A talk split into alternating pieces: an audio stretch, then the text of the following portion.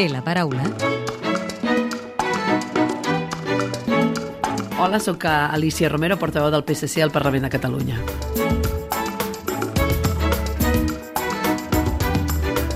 Benvinguda de nou al programa L'Hemicicle. Aquesta setmana hi ha hagut una nova reunió entre el govern i el PSC en el marc de la negociació dels pressupostos. El govern d'Aragonès defensa que ha complert un 70% de les mesures que va pactar amb el seu partit l'any passat i que el 30% restant està en vies de complir-se.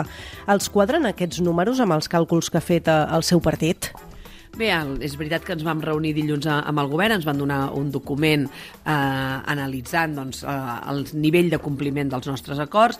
Nosaltres estem analitzant, no estaríem d'acord massa amb el 70%, perquè hi ha algunes de les mesures que ells diuen que estan acabades que nosaltres diem que no, perquè en alguns casos ells fins i tot també diuen això eh, depèn d'un altre o això eh, ho licitarem el primer trimestre del 2024, no? per tant vol dir que no està acabat i no està fet, és a dir, que aquí tenim algunes controvèrsies, però és veritat que, bueno, que hi ha una gran part del pressupost que sí que s'ha, o dels acords pressupostaris que sí que s'han complert, no? Més del 50%, sí, probablement més del 50%, ara hem de nosaltres ajustar amb les nostres dades, doncs si finalment estem parlant d'un 60 o d'un 70. En tot cas, hi ha algunes coses que no s'estan complint, que per nosaltres són molt importants i que quasi bé diria imprescindibles perquè ens puguem posar a negociar un pressupost per l'any 2024. No? Per tant, doncs bé, eh, com sempre hi ha una certa discrepància, tot i que també volem dir que és veritat que, que més del 50% doncs, eh, s'ha complert i per tant hem de veure doncs, què passa amb aquelles mesures que no s'han posat en marxa o que estan encara en vies, tenint en compte doncs, que estem ja al mes de febrer del 24. Una de les peticions clau del PSC que van signar l'acord pressupostari del 2023 és que el govern aprovi el pla director urbanístic del macrocomplex d'oci del Hard Rock al Camp de Tarragona. Què els diu el govern sobre, sobre aquest projecte? Bueno, ens diu que estan acabant de fer tràmits eh, administratius, que estan acabant d'elaborar de, doncs, informes pel, per aquest pla director urbanístic i que, bueno, que estan vies de, de, de solució, però de moment no tenim aprovat aquest, uh, aquest PDU pel Centre Recreatiu i Turístic de Hard Rock i de, de, de Vilaseca i Salou i per tant els diem que, en fi, que aquest per nosaltres és, és un projecte imprescindible.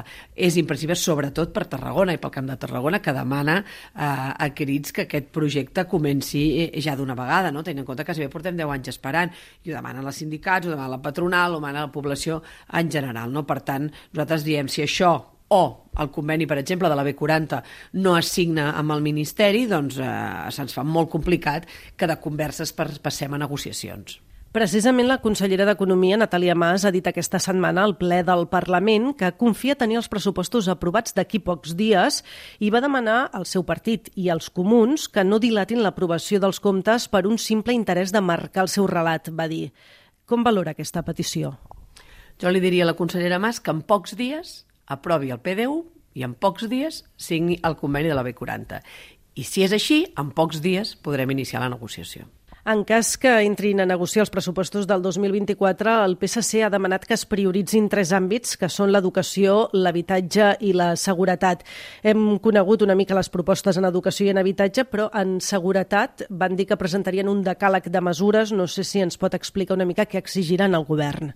Sí, nosaltres amb, amb, amb seguretat eh, els hi hem traslladat al govern que una de les coses que insistim i que insisteix molt eh, Salvador Illa és poder ampliar els òrgans judicials. Moltes vegades un dels problemes que tenim en l'àmbit de la seguretat és que quan, doncs, eh, quan eh, tenim, no, quan es deté, eh, per exemple, els reincidents o multireincidents, després els jutjats estan col·lapsats i tenim problemes per, per jutjar-los i a vegades passa un any fins que no es pot jutjar un reincident que torna a estar al carrer perquè no pot moltes vegades, segons el delicte, entrar a presó, i aquest és un dels problemes que tenim. Per tant, nosaltres el que hem demanat és que hi hagin més òrgans judicials, és dir, més jutjats dins de primera instància, d'instrucció, penals, de família, etc etc.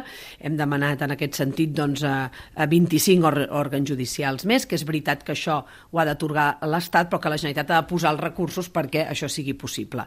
Esperem que aquesta sigui una de les, dels compromisos que, que prengui el govern de la Generalitat, perquè que tots estem d'acord amb que cal tenir més jutjats per poder agilitzar la nostra administració de justícia. No? Aquest, per exemple, és un element important per nosaltres. També lligat a això, doncs, tot el recolzament als advocats al torn d'ofici, que fan una feina fantàstica, sobretot adreçada no? amb un servei que donen a les persones més vulnerables, no? i creiem que hem de millorar la seva retribució i, per tant, aquest ha sigut també un element que hem posat sobre la taula. Al final, seguretat en sentit ampli vol dir això, que et puguis sentir segur quan tu vols fer una denúncia, eh, no tens recursos i per tant s'està assistit per un advocat, que els jutjats doncs, vagin ràpid, que la teva causa no estigui tres anys aturada i, i per tant hem fet bastanta incidència amb això. També hem millorar, per exemple, hem demanat, demanem recursos per millorar doncs, tota la seguretat a les comissaries, eh, també l'atenció que es dona a les víctimes de violència, que moltes vegades, si no estan en entorns còmodes, els és complicat anar a denunciar i hem de facilitar al màxim i posar fàcil a les víctimes que puguin denunciar. No? Ho estem veient aquests dies amb el judici de, de Dani Alves, no? com la víctima no volia denunciar, com costa, com et sents culpable. Si això no t'ho faciliten, no? si no hi ha un entorn amable, doncs cada vegada es fa més complicat. No? I volem ajudar també en aquest sentit. Per tant, en seguretat és veritat, hi ha un decàleg catàleg de 10 coses, destaco aquestes tres que per nosaltres són, són rellevants. Enmig de les negociacions dels pressupostos hi ha una altra carpeta oberta que és l'amnistia. Creu que finalment s'acabarà aprovant al Congrés la llei d'amnistia?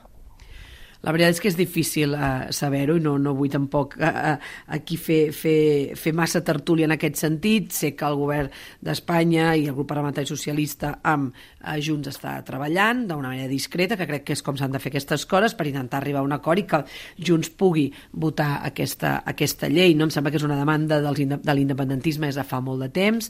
Um, en aquests moments hi ha un text jurídic sobre la taula, consistent, rigorós, sòlid, que ha de permetre que després pugui anar sobrevivint a diferents instàncies judicials, ja sigui el Tribunal Suprem com el Constitucional, com instàncies europees. Ara crec que Junts ha de fer també una reflexió. Em sembla que no eh, posar més impediments a que s'aprovi aquesta llei també és fallar a Catalunya, també és fer eh, una cosa diferent del que han dit durant molt temps i em sembla que, en fi, que és un pas més per aconseguir una certa normalització al país, poder tornar a fer política i de veritat de no aconseguir-se crec que estem perdent una oportunitat com a país, no? El govern diu que té poc marge de maniobra pel que fa a les reivindicacions de pagesos i ramaders. Eh, vostè ho veu igual? Creu que el govern ha fet prou? No, no estic d'acord amb aquesta, amb aquesta eh, treure's de sobre el, el, els problemes, no? entre altres coses perquè una de les reivindicacions dels pagesos és la burocratització, la quantitat de burocràcia que tenen. Jo he visitat moltes vegades, recordo a Barbeca, un jove ramader que m'explicava que havia estat dos anys per obrir la granja i que si no arriba a ser pel seu pare no aguanta, perquè com pots estar dos anys per obrir una granja? Això no és culpa de ningú més que de la Generalitat i per tant s'han de poder reduir tràmits, s'ha de facilitar la vida eh, als pagesos, s'ha de posar recursos per i de suport, no? Hi havia abans les oficines agràries, s'ha de posar uh, oficines de suport a la pagesia perquè ells estan al camp i moltes vegades no tenen temps, uh, si no és per la nit traient-se hores de son de fer tots aquests. Perquè hi ha una part que sí, ara estem amb sequera, el decret d'emergència marca un 40% de reducció de l'aigua, doncs evidentment això s'ha de poder compensar, per tant és competència del govern eh, donar suport econòmic a aquesta pagesia, no? que és el que avui demanaven. Si li sembla bé, ens endinsem ara ja en el terreny més personal i li demano si pot contestar amb respostes al màxim de breu possible. Què és el que més li agrada de la política i el que menys? Que aquelles decisions que prenem tenen un impacte directe amb els ciutadans per millorar-los la vida.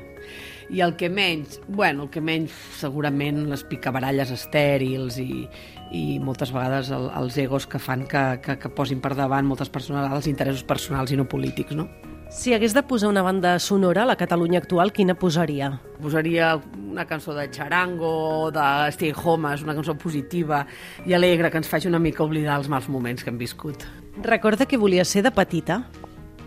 No, no tinc massa record de, de petita, però crec que sempre havia volgut ser advocada, que és el que finalment vaig estudiar, no? Com em deien a l'escola, em deia el meu director, l'escola deia que era la defensora de les causes perdudes. pues una mica això segurament. També té a veure amb la política, al final. I ja per acabar, completi la frase següent. El que més m'agradaria del món és... Que, que hi hagués pau i, i no hi hagués fam. Alicia Romero, portaveu del PSC al Parlament, gràcies per atendre'ns a l'hemicicle de Catalunya Informació. Moltes gràcies a vosaltres, que vagi molt bé. Podeu tornar a escoltar l'hemicicle al web catradio.cat barra hemicicle o al podcast del programa i seguir l'actualitat del Parlament al perfil de Twitter arroba L-hemicicle.